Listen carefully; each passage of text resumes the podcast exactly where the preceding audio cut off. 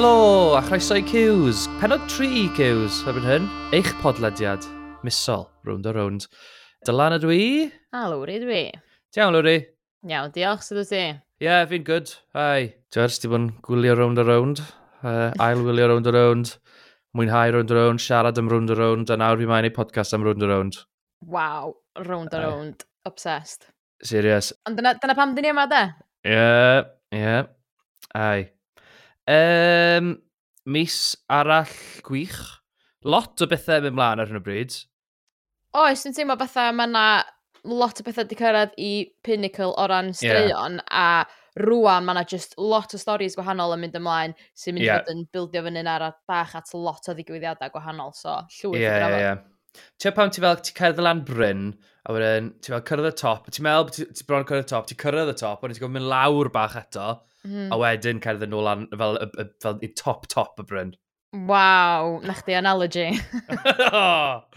Ai, penod cyffroes iawn heddi, achos uh, nes mlaen, ar ôl y brif sgwrs, ar ôl y penawdau, mm. ni'n mynd i fod yn croesawu yr un, yr unig Idris Morris Jones, a.k.a. Ken, i'r caffi. Waw.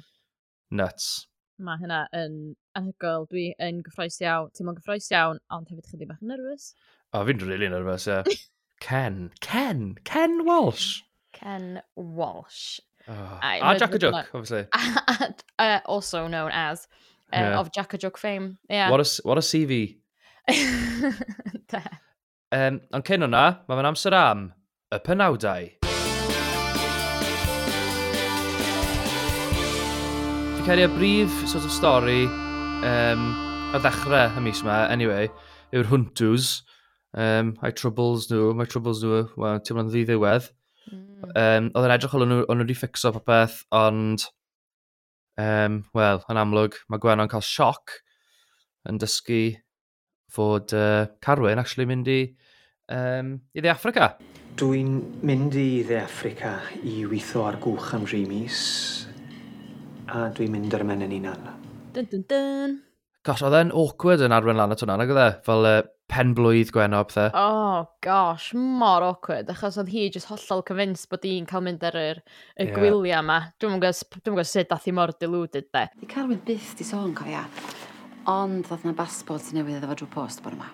O, wel, joia, dy swper cram heno, a gobeithio mae heno fydd o'n datgelu'r surprise, da. Gobeithio wir, lle mae'r aslotirach, da. Ie, yeah, oedd diwrnod penblwydd Gweno. Ah, Madam Penblwydd. Oedd yn hilarious, chos oedd, oedd just pawb yn dymuno pen penblwydd apus i. A chdi, sy'n misio neb wneud i ginio hun ar ei ben benblwydd, nagos? Diolch ti, Mel. Croeso. O'n i'n gobeithio sa'ch chdi'n galw. Pe bydd apus? Bore da, a penblwydd hapus iawn i chdi. Diolch, Philip. Bydd hapus, Gweno? Ie. A mae rhai fi gyfadde, achos oedd hi'n yn oedd hi'n annoio fi jyst yn pa mor, pa mor coci oedd hi bod hi'n mynd i Africa. Pa oh. nath i cael y newyddion gwael, mae rai fi wedi oedd, oedd rhan o fi'n uh, yn gwenu. Oeddech chdi dda, ha ha. Dyna yeah, yeah. gael am fod mor coci, am yeah. y ffaith bod chdi'n mynd i gael pethau neis yn digwydd i chdi. Yeah. Ond, actually, mae o yn mynd hebdda chdi, ha ha ha. Tylaen, Carwyn. Deud y newyddion mawr i ni gael trafod y syniadau'n iawn. Pa newyddion mawr? Smug, da. Oedd, ti'n beth o, rhaid fi wedi, oedd, um, nath Dani neu Sophie, nath nhw very good job ar y gwall, oedd gwallt i'n yn lyflu. Oedd, lyflu. Tio, nes ti sylwi, pa, ar ôl hi ffyn mas y news, oedd, oedd hi cael ei gadael wrth y bwrdd bwyd yn y bwyty, y ben ei hunan, oedd na fel mirror shot, fel shot o hi yn y drych. Mm. Oedd e'n edrych fel, um, oedd e'n goffi o peep show. right. So weithio mae fel shot yn peep show, lle mae Mark just yn um, syllu ar ei hunan yn y drych, oedd rhywbeth tebyg efo Gwenno. Gosh, be o ti'n meddwl am um, fel chwarae teg o Lowry, John, fel stick o lan i hi a stuff, ond pan nath i, ti'n cael go ar Carwyn, o'n i'n kind of fel, step down. Gen ti wynab? So mae ti gefnogi dy deulu dy hun? Gryna lowri, wy'n gwybod bod Gwenno a ti'n agos. Ond... Wyt Ti'n sylweddoli bod i'n torri chalon am hyn? Ydw. A wy'n gwybod yn iawn sut mae'n teimlo ar ôl beth nath i fi. O, oh, dyna di o lle. Dial. A ia, o'n i'n bach dda, mm, overreaction e. Dwi'n ti'n gael teimlo fatha, gosh, dwi'n dwi dall yn iawn pan mae Carwyn yn mynd. Dio, Mae'n angen yeah. just brec i feddwl a prosesu bob dim sydd wedi digwydd heb pob yn fatha breathing down his neck. A mae'n rhywbeth ffasiwn bwysa achos mae yna blant yn involved hefyd. Yeah. Mae o just eisiau bod fatha, okay, dwi, dwi just angen prosesu bob dim. Fi actually di really mwynhau Carwyn mis yma. Mm. So usually fe'n annoio fi tyn bach, ond... Yn annoio chdi. A fi sy'n meddwl bod e bach o, jyst yn eitha fel fussy, boi fussy. Reit. Ia, yeah, ni tŵr yn Rhys Orsla, completely cytuno fod ti fel, ceri di Africa, ti'n mm. ffeindio dy hun eto. Ia, yeah, neud rhywbeth i chdi, de. Ti'n nath y ticlo fi pan nath Carwyn eista Iestyn ag Anest lawr.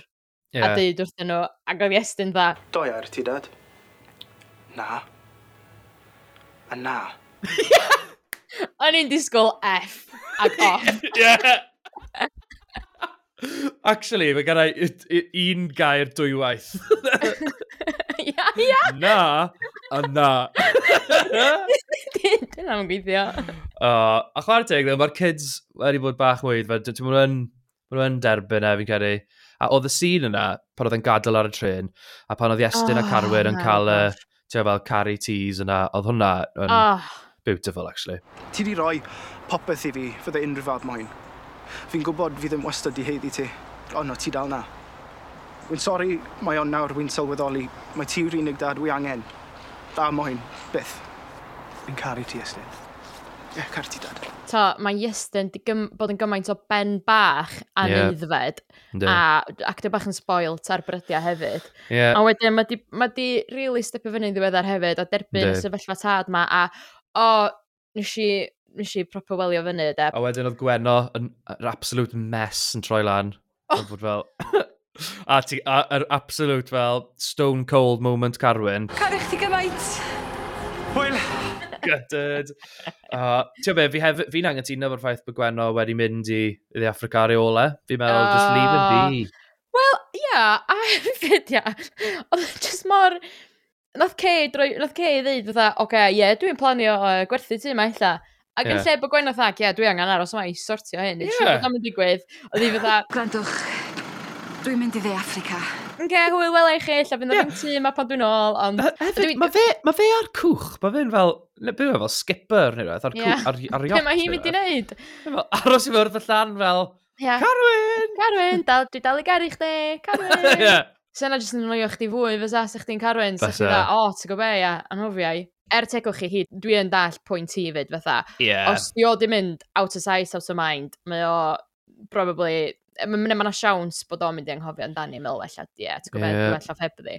So dwi'n dall pam mae di mynd, ond oedd o'n just bach yn random a bach yn desperate. Ond, Ai, um... bydd rhaid ni aros yw tri mis nawr, gyrru i weld, mydd. Ie, yeah, bydd. Nes di sôn tyma bach am y tŷ. Yes, dyn nawr, obviously, Home Alone. Wel, ia. Yeah. Am ba hyd, pwy o oer. Nes i absolutely caru y Iestyn versus Kay. Ti'n fel, bod yn fel clever clogs, ond fel mae'n ma, ffordd briliant. Ella fi di ddim yna mewn pethefnos, bys i? Bys i ni ddim mor siŵr yna, Kay. Yn enwedig gan fod da fi gopi ar les. Sy'n dweud bod da fi'r hawl byw yna tan dolyg nesaf. Yn hy fi ydi o. A mi synat be fe drai i wneud. Allwn ni fynd y mas yn y llys os dim ond. A, a, a falle, er mwyn arbed bach o amser, allwn ni drefnu ar un amser ar dyfos. Wff! Boom. Clas. Uh, neis gweld bod Iestyn heb troi mewn i complete softy. Ie. Yeah. Mae hwn yn arfer mlaen o neis, really, i, wel, i Ken a Kay. So, Kay yn prisio'r tai. Mae'n teimlo fel cam eitha cadarn yn agosach at y divorce ma. Mm. Fi dal ddim yn gwybod, fi, oh, fi dal yn gwybod beth sy'n digwydd, beth sy'n mynd i ddigwydd. Mae'n streso hmm. fi mas, achos mae'n teimlo fel, mae'n teimlo bod pawb yn gwybod bod e ddim yn ei digwydd, pawb yn gwybod dyle fe ddim digwydd. Mm. Beth ti'n meddwl o'r sefyllfa? Ia, yeah, na, cytuno'n llwyr. Ond, och, so jyst ddim un o'n nhw'n bacio lawr yna. A... Na. Dwi'n meddwl, mae Kay yn, yn waith na Ken am fod yn ben galad, cos weithiau ti'n cael rhyw hint o bod, bod Ken ddim eisiau fod ddigwydd just rhwystredig de, achos o na un bit de, nes i wirioneddol welio fyny pa mor dda, ddain nhw yn y lle taxi. Sam llawer am byd i gadw fi fyma nagos. Nagos, mae siwr. Nagos. I ddeu gwir, bydd beth yn haws unwaith ei di. Ie. Dyna ni'n meddwl fyd. Och. Ah haws divorce-wise, maen nhw'n feddwl, neu yeah. haws fatha, dwi'n methu byw yn agos ata chdi os dwi'n methu bod efo chdi. Yeah. A dwi, dwi'n meddwl, dyna oedd o'r... Oh my gosh, ie. yeah. Fatha, iawn, actually, sa'n i'n meddwl amdano fel na. Fydd o just yn haws, cos dwi'n methu cwpio efo hyn, so just fatha, dos o ma. ie. yeah. Mm. oh, guys, please, just kiss and make up. Just kiss and make up, yeah. Nes i gael i, uh, fel y prif moment o fi'n tymor sori dros Kay uh, yn y mis, dros y mis diwetha, pan oedd hi Wel, gyntaf yn gweld Ken yn siarad efo Kylie ar y ffôn. Oh. Hei, Kylie, sy'n ôl ti'n air? a wedyn oedd hi'n trial gael neges, neu fel, a hi'n oed Kelvin, di bod yn texto hi'n ddiweddar. Ond oedd yn really, just dangos, wa, mae Kay yn amlwg yn unig iawn. Bendant, a dwi'n gwybod os hi di sylwi hynna yn llawn eto, no. ond tod, os di'r tŷ yma yn mynd i werthu, Yeah. Di hi yn mynd i fod efo tai, a di hi yn mynd i fod efo yeah. neb, ac fydd celf a Mel gorau wneud rhywbeth, a mae'r plant i gyd di mynd fel arall, fydd Ken di mynd, a dwi, er bod di'n amlwg yn independent woman, mm. a dwi actually yn meddwl bod di angen ei theulu o'i chwmpas i, achos mae Wedi, theulu yn bwysig iawn iddi. Ynddi. A mae o'n brif, mae brifo bod Kylie ddim yn ateb y ffôn. O, oh, Drian. Fi'n tyw, tyw'n sori jyst i fyna. Ie. Yeah. Can i weld? Just just stepio lawr, da. Ie. Yeah. Wel, mae'r ddau o'n nhw angen stepio lawr hefyd. Uh, nes i rifynhau gweld pan oedd Kay, Kay, Kelvin a Mel, um, tio, cyn i'r i'r fenyw, Christina ddod draw, a nhw'n cael brecwast, oedd, oedd Kelvin, oedd oedd Kelvin um, di codi a dach y gadael, rhoi hmm. swsbach i Mel. Reit, dwi'n mynd, Terry, disgwm na fi. Wel, eich wedyn. Be' ti'n neud? Sio sos ti? Do, O, nes i rili hwnna. A oedd hyn, yy, nath y ticlo fi pan oedd, yym, pan oedd nhw yn copa, a, hmm. a- ac oedd yy, Vince yna, ac oedd Ken yna, a mae dal yn amlwg yn eitha frosti rhwngthyn nhw. Ac oedd Arthur fatha, O, sbia, mae Vinci boed i gyrraedd. Os eith ddim ffeit, de, sefyll di rhyngddyn nhw, ffwnio i cops. O'n i'n trafod, na i ni, y- ydy'r busnes Arthur yma Mm. Oedd e efo plan in, plan in mind, fel, mm. oedd e'n treol gwythio Ken nôl at Kay, a fi Ceri, hmm. once, pan nath Ken actually gadael y tŷ, fi cael yn eitha amlwg. Oedden ni'n osborol. Ie, completely. Oedd Arthur genuinely just eisiau graig. Oh, ie, gynnu ni gynnu ni ormod o feddwl Arthur yn amlwg. Os oedd ni'n hollol gofyn sydd e, o, mae'n trio pwysio fo'n ôl at ce, chwarae teg. Na, na, dim o gwbl. Oedd o just eisiau rhywun, rhywun yna nid y chores. O'n i'n meddwl mod i chan i ddrwg efo ce, ond... Waw. Gwas bach wyt ti isio. Ddim lotjar. Ond nes i neb mor hunanol a chybyddlid yn y myw. Paid a dal yn ôl, de, Ken. Un peth o'n i'n ffyn yn really ffynnu a uh, hoffi dychmygu oedd... So mae Ken wedi cytuno i helpu yn y tod y tad a mab. Ia. yeah fi'n fi absolutely lyfo'r storyline yma, y busnes Tôr y Tad a Mab yma. Sut mae'r paratoadau mynd am yr uh, tor de Tad a Mab, ta? Charity event arall. Os ydy rhyw fath o charity event yn mynd mlaen. Mm mm-hmm, mm-hmm. Os wyth ddim yn fel Carolathon, mae fe'n rhyw fath o fun run, a nawr maen nhw'n mynd i seiclo rhwng yn Ismôn, apparently. Tŵr dy Tad a Mab, ie. Yeah. Tŵr dy Tad a Yma, Yn wreiddiol oedd o fod yn ras noddedig rownd yr ynys, sydd ddim cweith mor catchy. na, na. Y tŵr y tan yma ab y glas. Ynddi, ynddi. Um, uh, yeah, fi'n really mwynhau. Wel, un gweld Matthew a Philip yn, er bod nhw obviously'n, ti'n mae fe fel rivalry, agosau maen nhw'n rili, ynddo fe? Maen nhw'n fel, yeah. fel dod yn fath o ffrindiau eto. Yndi, ti'n iawn. A, bod nhw'n fel top bants rhwng nhw, ti'n y pub, oedd uh, Oedd Matthew wedi gweud bod e'n fflio neu rhywbeth fel la. Mynd am sbyn ti? Wedi bod. I gem milltir. Hwn yn mynd fel deryn. Twrci. Weno. o, mae'r bant wedi bod yn top notch. do, do. O, rhaid i fi ddeud da. Ti'n gwybod pan eithaf... Um, Fath oedd y beic gyrraedd gynta, ac o Matthew fatha, a oedd yn cyrraedd y siop, a cadw llygad i fi am pan mae'r beic yn gyrraedd, iawn. Ie. Yeah. Nath o gyrraedd yn ôl, ia? Y Philip ar y beic. Swn i ni colli y plot. A fi. Ti'n ordro beic newydd, ia? Yeah. A mae'n rhywun arall yn mynd arno fo cyn chdi. Swn i'n ffilmen. Swn i'n wallgo.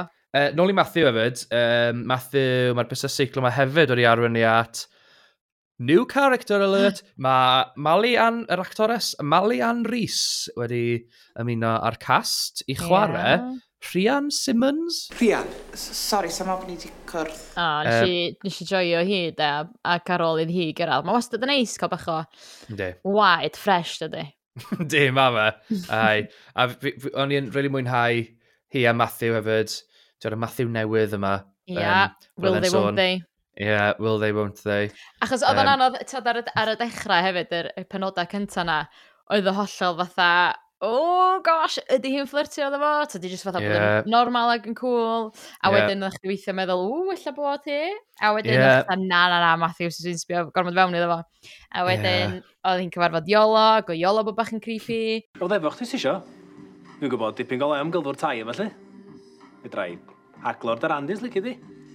Diolch, ond fi'n well am haglor na neb. oedd e bod mor creepy!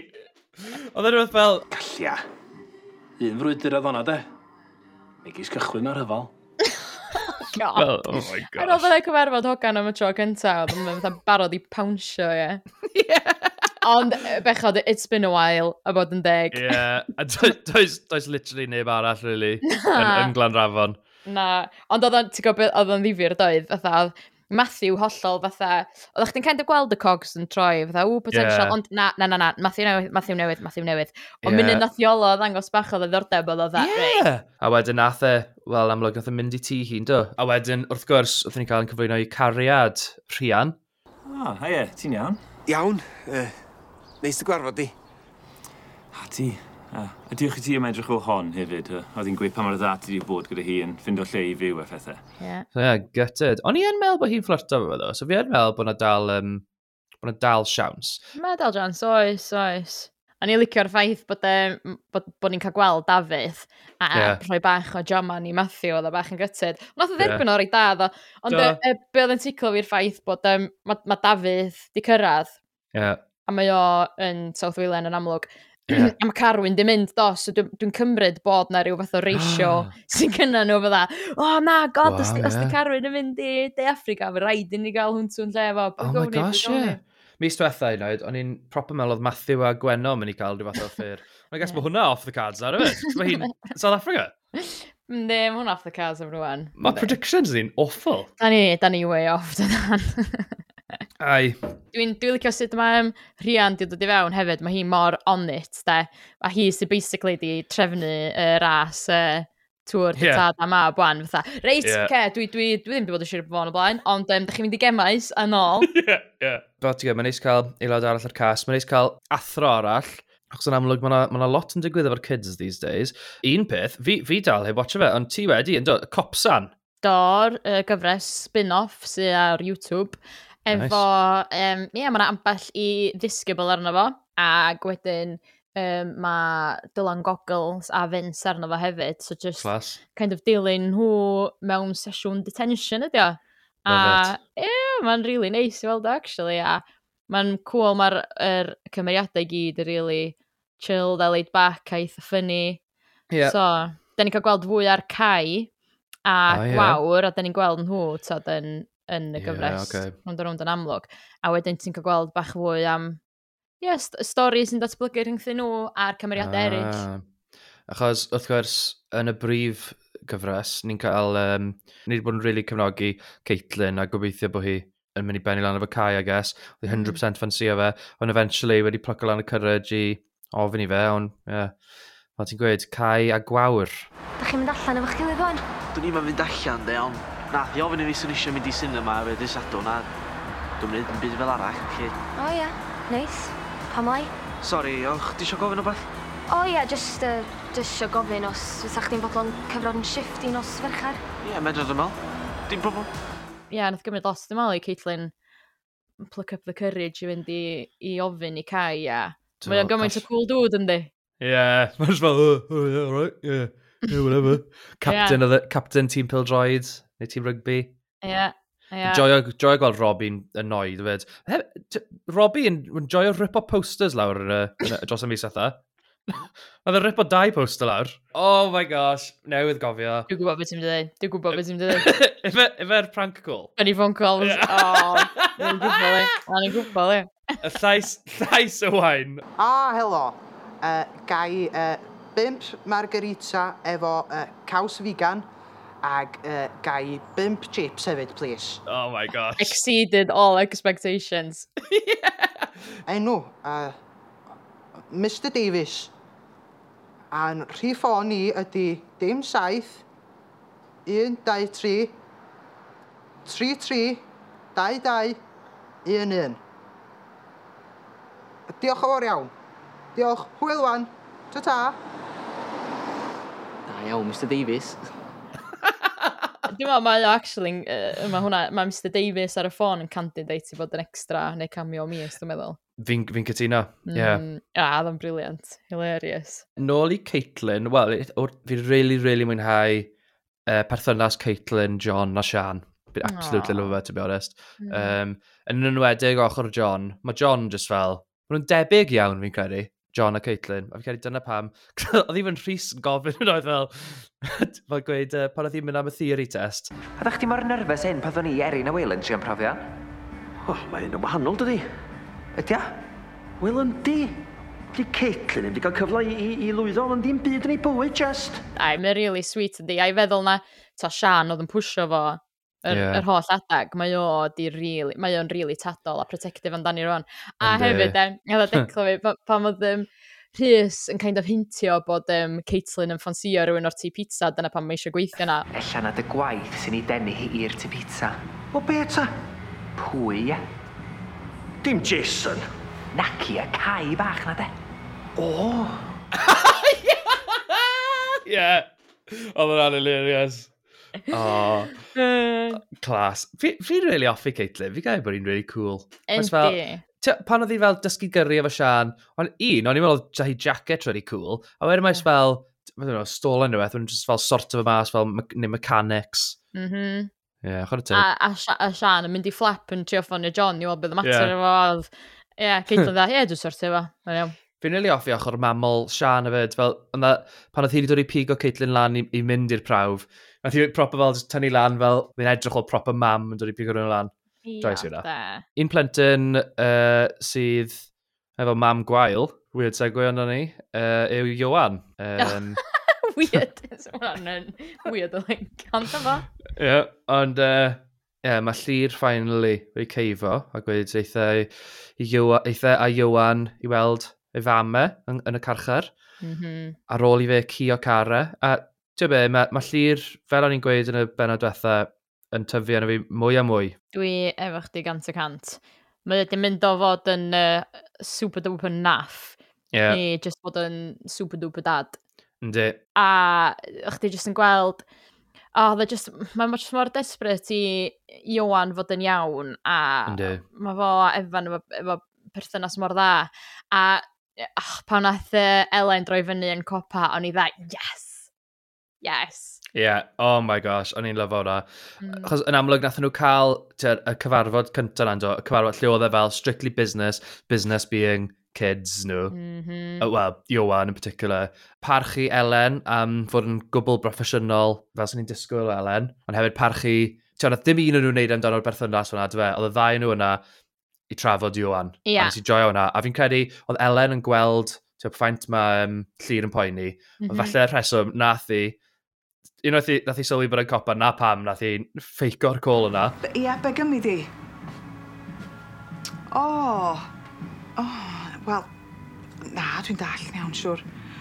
Ia, yeah, drefn nhw'n rhywbeth eto, de. Cute, Sian. de. Ie. Yeah. Och, a oh, wedyn nhw cael drink, a wedyn oedd hi fel... Uh, Deu clwydda o'n i pan ddeudais i bod fi wedi dod yma i gyfarfod Sian. O, oh, ia. Yeah. Yr el Elen da jyst wedi gwir bob tro, chod a teg. Yeah. Dwi'n falch nath i wneud, bod i wedi deitha fo hynna hefyd. Nes yeah. bach o hypocrite am y busnes gwyddo, ond... Ie, yeah, ti'n iawn. Ia, yeah, na, the really sweet, fel ti'n deud, yr... Um, cadw fo'n professional, ond hefyd yna un bit really sweet o dda. Rel, rhywbeth ti'n neud pam ti'n fengach yn gymffansio rhywun. Just, di fe pasio, ia. Yeah. yeah! Glass. Oh my gosh. Ia, yeah, ond achos, achos bod y cymeriad di tyfu yn i fi gymaint, do'n i'n teimlo bod y cweit mor naff, o'n i'n meddwl, fatha, just, oh, sweet. Yeah. A diolch beth, nath, nath nhw sort of gweud, ni yn mynd i gael, mae llir yn mynd i gael ail gyfle, a wedyn nath nhw gael sos bach, the, the longest lean-in. Ysdi sylwi? Fi'n gwybod bod ti'n probably fel Covid yw hwn. Ond, oh my god! Ond nhw'n ystod mor bell, oedd e just fel, mor slow fel pwysau mewn. Mae'n gofyn mynd yn really bell. Nes i feddwl union yr un peth. Oedd yn hilarious. Achos oedd o di kind of gofyn fatha rhywbeth along the lines o, am I forgiven? A yeah. nath i ddim ateb o gwbl, nath i just lean, lean, lean, lean, lean. so I'm sure yeah. oedd o'n yn gilio dros o, ti'n be, di'n... Be di'r ateb? O, nes i joio hwnna. ond un storyline, really, mi'n ceri, sydd ar ôl i ni drafod. Um, sef storyline Jace, Baz, ac wrth gwrs, uh, fy hoff gymeriad newydd, Mick. Yeah, it's me again. Mae Jason yn siarad Saesneg efo Mick yn absolutely hilarious. Ydy, mae'n meddwl bod Jason rwy'n siarad Saesneg o blaen. All right, Jason. Oh, Mick. Bobl yn mynd i weithio yn Ibiza efo Saesneg o blaen. Yeah! Everybody put your hands up! A i offi ddo, a fe Anes yn dweud, o, mae'r boi'n rhoi creeps i fi. Mm -hmm. A mae'n oedd Jason... Mae'n enw Mick yn iawn, Ti'n mynd bod y met efo Barry Sbynyddodd? Fi'n fi absolutely lyfo uh, cael Mick yna. Mae'r sy'n dangos, mae'r bygythiad yma, neu bynnag sy'n digwydd efo Barry yn symud yn agosach ac yn agosach at gatre, at Glanrafon. Mhm, mm yn union. Um, Oeddech chdi'n kind of gweld o pan oedd yn rhoi dy bocs i'r rhys Ac oedd Rhys mhm. dda, na, na, dwi, yeah. dwi'n gwybod yn iawn, dwi'n gwybod yn iawn sy'n mynd ymlaen fo ma, ddim eisiau byd yn ei yeah. fo. No way. Uh, nope, no way. A wedyn da box i Jason, yeah, ideal deal with Jason. A wedyn Drian a Jason yn cael, uh, tio, cael Barry yn, yn bygwth e, achos nath e proper bygwth hefyd, oedd e fel, ath hwnna upseto fi tyn bach, actually, ni'n really teimlo dros Jason. Aww. Drian. Mae'n yeah. gwybod nath Barry dod nôl a um, ymddeheirio, ond, tio, mae ma Barry'n Nasty. Mae Barry yn, uh, yndi, mae'n nasty. Ond fi cael ei... Tio, Mae fe'n sp ma split yna, mae fe'n... Mae wastad wedi bod yn split rhwng y person da, person drwg. Ond mae fe'n symud yn agosach ac yn agosach i fel cwmpo dros y dibyn na. Mm -hmm. Mae o'n ei jyst bod yn fully bad boy baz. Yndi, dwi'n cysyno. A dwi'n meddwl, fel ti'n dweud, mae o jyst yn dod yn agosach ac yn agosach at adra. A dwi'n meddwl, mm. achos bod, achos bod yna rhywbeth mowr wedi digwydd yn y gorffennol rwan, a i bai Barry ydi o bod Iris wedi marw. Dio methu dianc o wan, mae ma no. y badis Lerpwl efo'r llaw uchan di, so maen nhw efo fo, mater amser ydi o, mae o'n mynd i fod yn puppet iddyn nhw unwaith yeah. eto'n di. O, actually, um, dwi'n dwi dweud um, pobl Lerpwl, ond Pat. Pat? Dwi'n cymryd Patrick. Ie, yeah, ie, yeah, sy'n i feddwl, ie. Yeah. Gwyddelod yn y... Ie, yeah, gwyddelod, gwyddelod drwg, ie. Gwyddelod drwg!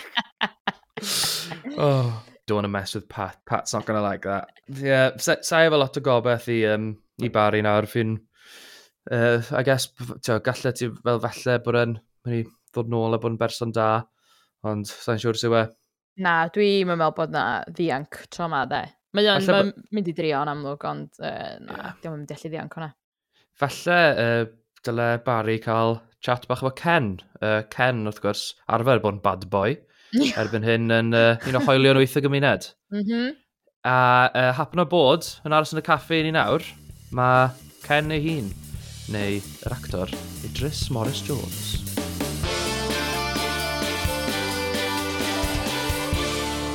Yn ymuno efo lywrio fyna nawr, hwn y caffi, Uh, Mae'r actor sy'n portreadu un hanner o Ben Teulu y Walshes, neu'r Cays, un o'r uh, cymeriadau y teuluoedd sydd wedi bod ar y rhaglen hira. Mae hefyd yn enwog yn bortreadu Jack a Jook, ac oedd e'n aelod o un o fy hoff fanjau pan o'n i'n fach, Pig and Clist. uh, neb llai, ond Idris Morris Jones, a.k.a. Ken. Hei Idris, di nawr? Helo, da chi'n oed? Ai. Yeah, good. Ie, yeah, so ti'n gofyn i'r rhan fwy o bobl beth i surname y y Cage, os nhw'n gwybod nos e? Faint o'n faint o bobl sy'n gwybod na Welsh ydyn ni? Erbyn hyn, ie, achos maen nhw wastad yn cael eu cyfeirio ato fel uh, y Case, yn nhw? y case, yndi. Yndi. Oedd lawr fi'n trafod cyn, cyn i ti login mlaen i'r sgwrs, beth yw enw llawn Ken? Wyt mm. ti'n hmm. gwybod? Os yw enw canol? Na, Ken Walsh. Oh. Ydy e'n Kenneth? Yr unig berson sy'n galw, wel, dwi'n meddwl bod yna ddau berson wedi galw yn Kenneth erioed. Mr Lloyd, wrth gwrs. Ah, yeah. Ti'n cael teitl llawn gen Mr Lloyd. A dwi'n meddwl ella bod Vince wedi wneud, ond fel joc. Mae wedi bod yn flwyddyn gwaanodd i'r cymeriad, o syried y coma, yr affair, mm. ffrind gorau fe'n brodychu fe, uh, a'r cyw melyn olaf yn gadael y eith. Hwn yw siwli uh, y blwyddyn yn oddach mae Ken di cael, ti'n meddwl? Mae siŵr de. Fel cyfres o ergydion, yndi, mae wedi bod yn blwyddyn anodd iawn, yndi. yndi. Ken drian, ie. Pa mor hir ti actually bod yn chwarae Ken nawr? Dys i a byddig, byddig bob fi, wrth gwrs, C, i fewn yng nghyfres pedwar. Cyfres pedwar, ie. So mae'n tua dwy flynedd ar 20 yn di ers i ni ddechrau ni. Waw. Ti'n ti cofio cyrraedd yr glanrafon a cyrraedd y set am y tro gyntaf? Wel, dwi'n cofio'r olygfa gyntaf wnaethon ni, dwi'n meddwl. Oedd, e, dwi'n mwyn cofio enw ar cymeriadau fan, mae hynny'n ofnadwy dydy. Mm. Uh, hmm. Rhian Cadwaladr a Dafydd Emyr, dwi'n meddwl, oedd yn chwarae y cymeriadau. Oedd yn byw yn y tŷ, wnaethon ni tŷ Cez, wrth gwrs, ebyn nhw. Wnaethon ni fewn i'r tŷ i edrach ar y lle i brynu a dwi'n cofio cerdded trwy'r gegin yn sbio tu fewn i cypyrdda a gwneud rhywbeth a fysa rhywun ddim yn neud wrth, mhm. wrth edrach ar dŷ rhywun arall y llun de. A ffrio hefo nia yn y caffi. Yna un o'r pethau cyntaf. Un o'r pethau cyntaf oedd ffrio efo nia achos bod ni wedi dod â fan ke, uh, kebabs i fewn y fan na ffrwydro diwedd y gyfres gyntaf oedd ni fewn yn ni, dwi'n meddwl. A'r, ar cliffhanger fawr, y cliffhanger fawr diwedd y gyfres gyntaf, oedd bod Claire ella yn y fan kebabs pan oedd hi ffrwydro. Kebabs? Ie, yeah, kebabs. Wow, o'n i'n nghofio'n llwyr yma? Ie, yeah, nath o'n para nir yna. Wrth gwrs, drwy gicio brathu, meddwl nhw, de, ddodd Ken a ni yn reit acos, acos yn gyfnod byr iawn. Do, well, yeah. fi cofio hwnna, mae hwnna'n rhywbeth sy'n sticio'n fel fi. Oedd eitha fel, Oedd ddim yn y ffair, ond o'ch chi'n fel really agos, nag o'ch chi? Fel... Oedd o really agos. Oedd o mor agos i y ffair a Ken yn cyrraedd drws ffrant tŷ ni a efo pot Halloween. Oh. Ond does na ddim math y dystiolaeth bod na ddim byd uh, bod na ddim isti manners wedi bod o gwbl. Does na'n byd uh, yeah. yn twor wedi digwydd o gwbl. E emosiynol oedd e? Mm. O ia, oedd y ddau ohonyn nhw'n gefn i'w gilydd. Yeah, yeah. So just i, i esgoffa pawb adra ni, wrth gwrs oedd hi arfer gweithio neu rhedeg y caffi doedd. A be ddigwyddodd wedyn ar ôl hyn, nath o just gorffan neu ddari cei ffindio allan? Na, ddari o just gorffan, a dwi'n meddwl bod y hmm. tu ar adag ddari ni a adael y gyfres hefyd, neu adael Glanrafon hefyd. Felly mm. gafodd yr um, uh, berthynas ddim, ddim cyfle i, uh, i, i fynd i pellach felly. No. Ys na unrhyw affairs eraill di digwydd ar hyd y blynyddoedd? Nethon ni orffan un cyfres pan oedd Ken yn gadael hefo Joe eto. Um, dath y berthynas yn cychwyn ar y droed ora, ffrio oedd, oedd Ken mm a hmm. Joan deddol o wneud. Ond wnaethon ni orffan hmm. un cyfres yn gadael hefo Claire fyny grisiau yn y tŷ yn ddagra yn codi llaw a deud, yn, yn, yn deud tyta wrth, wrth, wrth i thad. A mynd i penrhyndeudraeth i fyw.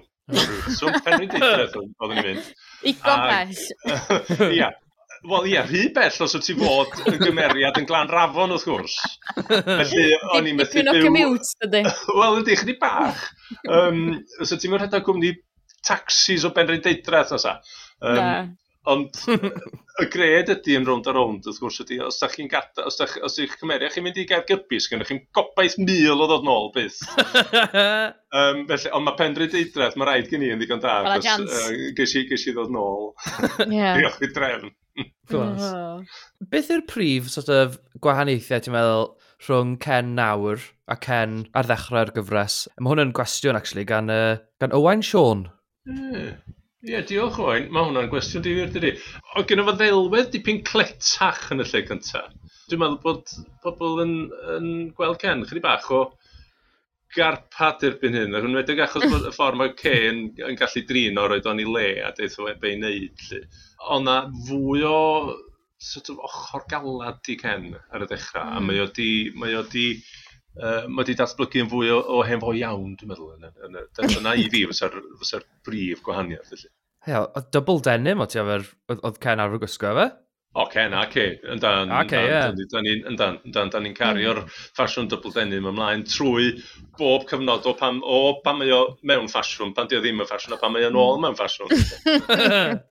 Icons. Chwifio'r faner, chwifio'r faner yn ddi bai dros double denim. A gwallt, wrth gwrs. Yeah. Oedd gennau lot, oedd gennau lot fwy o... Wel, hynny di, dwi wedi bod yn lwcus, dwi ddim wedi colli'n wallt. Ond um, oedd o'n Wedyn yn dipyn byrach, oedd yn efo ponytail gon nodweddiadol, doedd. Oedd, oedd. O, ie. Mm. Swn i'n dweud bod ce wedi dalu llawer. Na. A, mae ce mor un mor galad a no messing ag erioed, yndi. Ie, yeah, mae'r un mor scary. Yndi. Ti dweud fi? Fi'n meddwl mae'n un o'r pethau mae pawb yn hoffi amdano Ken dda nhw e, yw fel, ti'n fel bod y cefndir bach mwy fel double denim. Oedd e wedi bod i carchar y pethau, oedd e? Dwi'n hwnna wir? Oedd, a, a fydd o'n yeah. fydd o'n carchar yn ystod y gyfres hefyd. A dwi'n cofio pam. Na, sa'n cofio pam chwaith. O fi ceri mae'r um, ma, ma fel y split yna, ti'n fel, bod e'n gallu cael laff, bod e'n gallu gwneud jokes yn hefyd. Ti'n mae ddim yn ofn taflu punch os, os angen. O, na, na, na, na, o, da ni wedi cael cwpl o, mae ma Ken wedi cael cwpl o sgyffls dros y blynyddoedd. Um, a mae yna gemdir, y syniad pan ydyn ni drafod yn lle cyntaf, bod gen fo, fath o gemdir ffair, sort of ardal, cemdi'r ffair, ardal mm. Abergel a ffordd na, math yna o ah. um, cefndir o gen Ken. Felly, felly fysa na y gallu hyn, yna o, o fod yn annibynnol a edrych ar ôl i, gwybod sydd wedi edrych ar ôl i hun os wedi mm. cael ei mm. fagu ar y ffair mewn gwirionedd. O uh, ie, yeah. sens. Yn edrych yn ôl dros y blynyddoedd, beth yw rhai o hoff storylines ti? Nethon ni, nethon ni draw i, i Gwrdison ar gyfer priodas yeah, Kelvin yeah. blynyddoedd yn ôl, a trip i, i, i Gwrdison. Uh, Hwna ni ddigon difyr. Ethon ni fyny, ethon ni fyny Blackpool i'r uh, i'r um, i'r ffair yn Blackpool trip a, a dyna pryd gafodd cymeriad Iris i chyflwyno i, i, oh, yeah, i'r gyfres oedd ar y trip i Blackpool um, wow. ac oedd Iris a Ken yn rhyw fath o nabod i gilydd cyn y trip rwsys. Oh. Ac ddoth hi rhyw snwyro rownd Ken, ond gafodd hi warning. Oedd Ken biciad i lle chwech, ac felly chi, lle chi ddychmygu y sgwrs gafodd ce efo Iris tra oedd Ken yn y lle chwech. Pan ddodd Ken yn ôl, hmm. oedd ce, oedd ce wedi rhoi orders i, i Iris fynd i um, mynd i gael sgwrs efo dreifer y bus, dwi'n meddwl. Dos i, dos, mae ma dreifer y bus yn edrych, edrych yn unig, dos i gadw gwmni efo fo, dwi'n meddwl. Ond, ie. Ond a lot o'r ddigwyddiadau, dwi'n da ni wedi cael damweiniad y car ar y bethau fel hyn. Ond, um... mm. Mae actio cymeriad mewn cyfres y mor hir, un o'r pethau mwyaf diddorol fi'n meddwl yw'r ffaith, fe pan bod ti wedi dechrau, bydde Kelvin uh, neu Kevin wedi bod yn, yn blentyn bach ar erbyn hyn, Mae'n oedolyn bach. Sut se, brofiad yw hwnna fel, ti'n tyfu lan efo? Wel, ni gweld actorion yn tyfu lan. Mae o'n ddiddorol iawn iawn, achos yn amlwg maen nhw'n dod i ddall i crefft fel actor ar y set, dydy. A da ni'n gweld y datblygiad yna yn nhw. A ddim jyst gweld i datblygiad nhw fel, fel actorion chwaith, ond fel pobl, de. Yeah. Mm. Mae Kev erbyn hyn yn ffrind i fi Yeah. o'n oedolyn, mae gennym fo i blant i hun.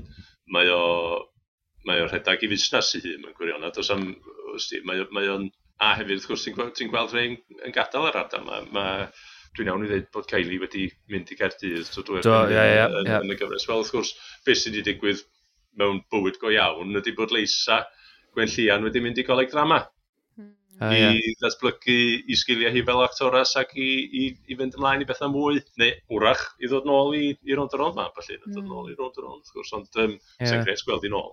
A be am rhywun fel Buddig Pofi wedyn sy'n actio oce, okay, dwi'n siŵr bod gennych chi berthynas reit da. Mae Buddig Pofi yn actores eithriadol o dda, dwi'n meddwl. Mm. Mae'n un o'r cymeriadau, na un o'r actorion, ti'n gwybod yn syth bod bydd hoelio golygfa. Mae'n neud i, hmm. mae'n neud i, mae'n paratoi yn drylwyr a mae ganddi hi intensity i'w actio. Na does na ddim llawer o bobl yn cyrraedd, dwi'n meddwl. Mae'n, mae uh, yn, yn, hynny di, mae'n mae gallu bod yn gynnas, ond hefyd os, os di hi os oes yna gyllall yn y geiriau, da chi'n mynd, ti'n teimlo'r gyllall yeah. yn mynd trwy ddech chi'n syth. Wrth gwrs, un o'r uh, cymeriadau, hefyd yn un o'r cymeriadau mwyaf iconic Cymru, ti di chwarae o Jack a Juck. um, hmm? Glas. o, caffi Sally Mali yn un o'r pethau mwyaf surreal dwi'n rhaid wedi gweithio. Oh, Mae'n ma yeah. ffaith. Dwi'n cofio, dwi'n cofio yn y golygfa, nath o'n haro fi rhyw ddwrnod yn mynd hefo um, naillai dwmplen malwoden hmm. neu Siani Flewog. Dwi'n meddwl na dwmplen malwoden. ac, yn, yn, yn, ac oedd, oedd y rhaglenni Sally Mali gwreiddiol, y caffi Sally Mali, oedd y cymeriadau yn, yn, neu yn, yn yr ail, yn, yn pentre bach, oedden nhw'n debycach i gymeriadau pobl go iawn mewn ffordd. Oedden nhw'n pobl mm. go iawn, hefo elfenna a nifeiliaidd amdanyn mm. nhw. Ond oedd, oedd Siani Flew, oedd, oedd um, Dwmplen Malwodan efo anfarth o gragan ar ei hmm. chefn. Mm um, yn, yn pentre bach. Yeah. A dwi'n cofio cerdded i fewn efo dwpla melfoden i stafell uh, ddoctor. A'r doctor uh, yn, yn eistedd wrth, wrth y ddesg ac yn sbio fyny edrych ar ddau nhw ohono ni a dweud, o helo na, sut fedrach helpu chi? A dim math o double take, dim math o, ar gol fawr mae yna ma na falwodan masif newydd mewn gerdded i mewn i sydd. Dim byd felly o gwbl. Just, o helo, sut ydych chi, sut fedrach helpu chi? A, Glas. A dyna fo. Um, Felly oedd o'n pontio o'r, or byd bonkers ma, lle oedd gen ti anifeiliad anfarth, i'r yeah. byd go iawn, ac oedd yna rhywbeth surreal braf iawn iawn am hynna. Clas. bonkers. Ie. Yeah. Nôl i Ken. Ie. Yeah. Uh, mae popeth am, am Ken a'r Cays yn iconic, rydyn nhw, yr hanes, y busnes, status nhw'n y gymuned, um, yr enwau hyd yn oed. Ond mae Leia Roberts, mi eisiau gwybod, Pwy yw'r cymeriadau mwyaf iconic i ti dros y blynyddoedd? Yn round a round? Ie, yeah, yn y round a round, ie. Yeah. Yn round a round, Mr Lloyd. Ie. Yeah. Bendant. Mae ma Mr Lloyd yn, yn un o'r cymeriadau sydd yn rhoi y gyfres yn ei gymuned mewn ffordd. Bod mae, mae, mae gennych chi bobl o bob, bob haen o gymdeithas wedyn mewn ffordd, o'r ifanc i, i oedolion i, i wedyn i'r henoed. A Barry, yeah. mae Barry wedi datblygu yn gymeriad pwysig iawn, ia, o fod yn hogyn ifanc, sort of yeah. goci, i fod yn dad ac yn... Ond hefo, mae'r cefndir dodgy yma wedi bod i bari ers blynyddoedd a, a rwan, really, mae ma hynna i gyd yn dwy'n ffrwm. Mae'r ma r, hmm. ma paratoi yna dros y blynyddoedd mae di, mae di, mae un o'r pethau yna sydd yn slow burner, mae wedi cymryd blynyddoedd yeah. a blynyddoedd a blynyddoedd. Mae pawb yn gwybod bod yna rhywbeth mm rhyfedd yn mynd ymlaen ym mywyd Barry. A yeah. da ni'n gwybod yn iawn beth ydi o. A rwan mae hynna yn, yn dwy'n ffrwydd. A rwan da ni'n gweld pa mor ddifrifol ydy'r ydy, ydy y byd mae Barry yn ymwneud efo di. Ie. Yeah. Waw, ie. Yeah. O ran stori y Cays, e, fi cael ei peth diwetha ni wedi gweld, oedd Ken a Kay yn y, y lle taxis, yn trafod, maen nhw'n mynd i werthu'r tŷ, mae rhywun ar ddod i, um, i brysio'r tŷ. Yeah yn amlwg ti'n methu rhoi gormod i ffwrdd, ond beth ti yn gallu gweud am beth sydd falle i ddod ar siwrne'r Cays? Dwi'n gallu deud nad ydy Ken ddim yn mynd yn ôl at Arthur i ddiw. Ie. Ar, mae Arthur yn gwneud gwraig galad iawn, dydy. um, gen i fwy o feddwl o eiris nag erioed, achos i drwy'n beth i'n dŵr. Ie. Gwydderas. Um, mae yna daith ar y ffordd eto. O, na. Gosh. Mae yna daith ar y ffordd eto. Dy ddim yn hawdd, de. Dydy'r yeah. dy daith ddim yn hawdd o gwbl. Okay. Um, hmm. ond mae yna ffordd i fynd eto, de. Ah, Clas. Gosh. Wel, uh, cef hwnna'n lle da, ni dod ar sgwrs i ben. Diolch o galon Idris, am dod i siarad efo ni. Mae wedi bod yn, yn bleser siarad efo ti. Mae Ken a'r Cays yn rhai o'r gymeriadau mwy iconic mewn mm. hanes teledu, sy'n ni'n gweud. Mm. Tia, um, ddegawdau nawr wedi bod yn hoff gymeriadau lot o bobl. So mm. ie, yeah. diolch am y chat. Wel, Edrych mae'n gwybod sy'n digwydd i Ken. E, diolch yn fawr iawn am y gwahoddiad a pob lwc efo'r podlediad yma yn gres. Mwyn hau gwrando arno fo fi. yn fawr. Clos, diolch.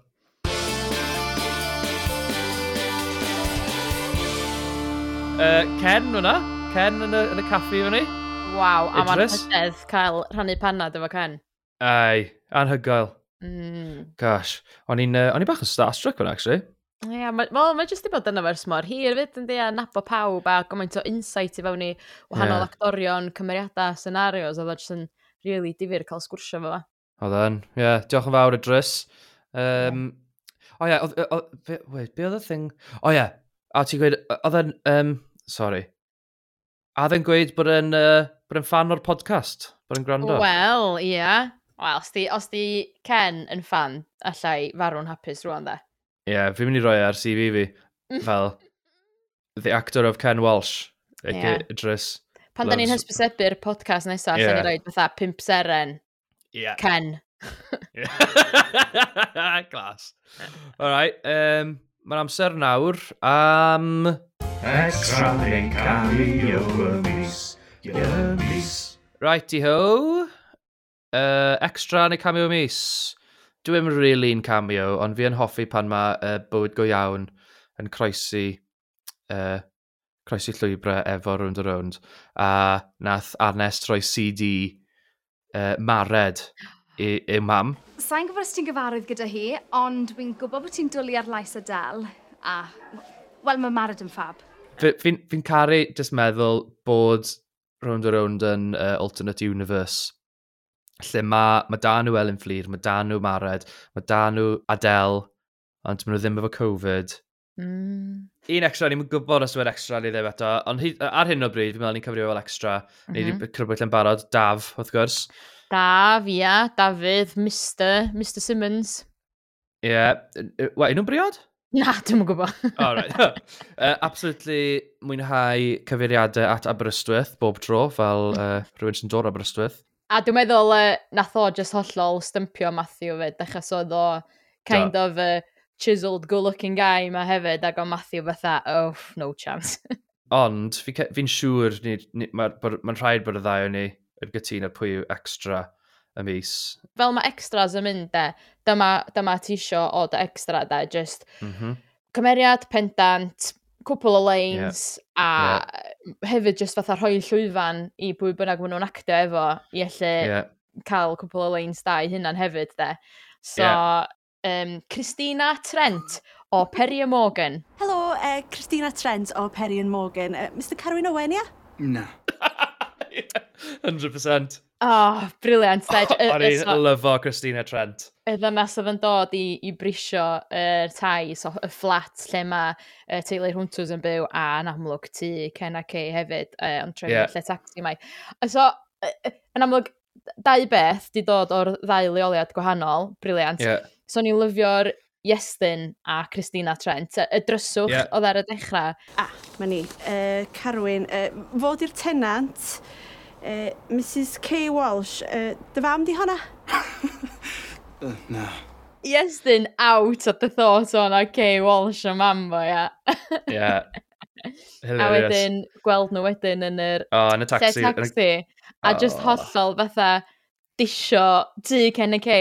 A be, be oedd yn really, really nice, oedd tra oedd Christina Trent yn slagio off y tu, Noth Ken mm. mm. Kay, a just am foment bach, bach, bach, kind of unitio unwaith eto, do. Do, athyn nhw troi mewn i Ken a Kay, ynddo? Do, do. a nhw'n insulted am ta ffaith bod angen i'r bathroom lan, mm a mhm. fydda fel la.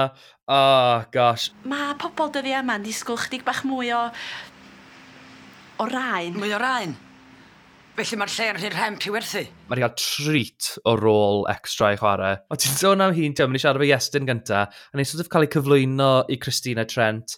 Mae'n um, estate agent, mae hi'n, ti'n bach yn nervous, ti'n bach yn awkward, mm -hmm. a mm-hmm. wedyn mae'r ffaith wedyn bod ni'n cael gweld hi yn cael ei dal rhwng Ken a Kay. Mm -hmm. Mae just, just, oedd ymateb hi i'r ddau nhw, just, oedd hi'n eich yn terrified, really, fel bydda ti. Uh, o'n i'n meddwl hefyd, beth sy'n ei extra da hefyd, fel arfer, uh, yn redig o'r round o round, yw swydd. Ie, yeah, fi'n meddwl, mae'r ddau ni'n gytun ag i ni, um, bod y teitl mis yma cameo neu extra mis yn mynd i Christina Trent o Perian Morgan. Extra neu cameo y mis. Christina Trent o Perian Morgan. Y mis. Right, congrats i Christina. Uh, a nawr mae'r ma theme tune yn dechrau chwarae. Ti'n meddwl bod dim lot amser ar ôl. Off. Reit, Lowry, yn quick. Um, ydy'r hwntws yn mynd i ddechwelyd o dde Africa yn hapus neu ar wahân? Dwi'n meddwl fod nhw'n ôl, fod nhw ar wahân, fydd Gwennon symud fewn at Lowry a fydd mm. Carwyn yn gorau byw mewn cwch cos fydd Kay wedi gwerthu'r fflat. Nice, love it, mae hwnna'n clas. Ydy Caitlin a Kai yn mynd i benni land a'i gilydd? O, gobeithio, mae Caitlin yn smitten yn dweud, just gwawr angen cadw, cadw draw. Elen y Llyr, plain sailing neu os mwyn bumps in the, nes mwy o bumps in the road ar y ffordd? Dwi'n siŵr fydd na bumps, ond dwi'n gobeithio mm. ddim, achos dwi'n rili really rwtio amdano nhw erbyn nhw'n. A fyna. E. Ken ac ei, a fi ddysgariad. No way, na, na, no way. Nah, surely not. Fi uffern yn rhewi drosodd cyn iddyn nhw gael ysgariad, surely. Ydy Matthew yn mynd i gael y ffeir efo unrhyw un? Dwi'n meddwl mae dal rhyfian ar y funud, ond yeah. mater o amser ydi o fydd y hen Matthew yn ôl. Yn ola, pwy sydd mynd i ennill y tod y tad a mab? Rhian. Mae'n mynd i gario'r ddau yn nhw dros y finish line. Wel, na ni. Nid yw'r diwedd. Diolch i pawb am brando. Cofiwch i gysylltu efo unrhyw gwestiynau, sylwadau. Diolch am y cwestiynau ydych chi wedi yrru fewn hyd yn hyn a sy'n dda cael fwy ohonyn nhw. Rai. Diolch yn fawr. Diolch. Hwyl.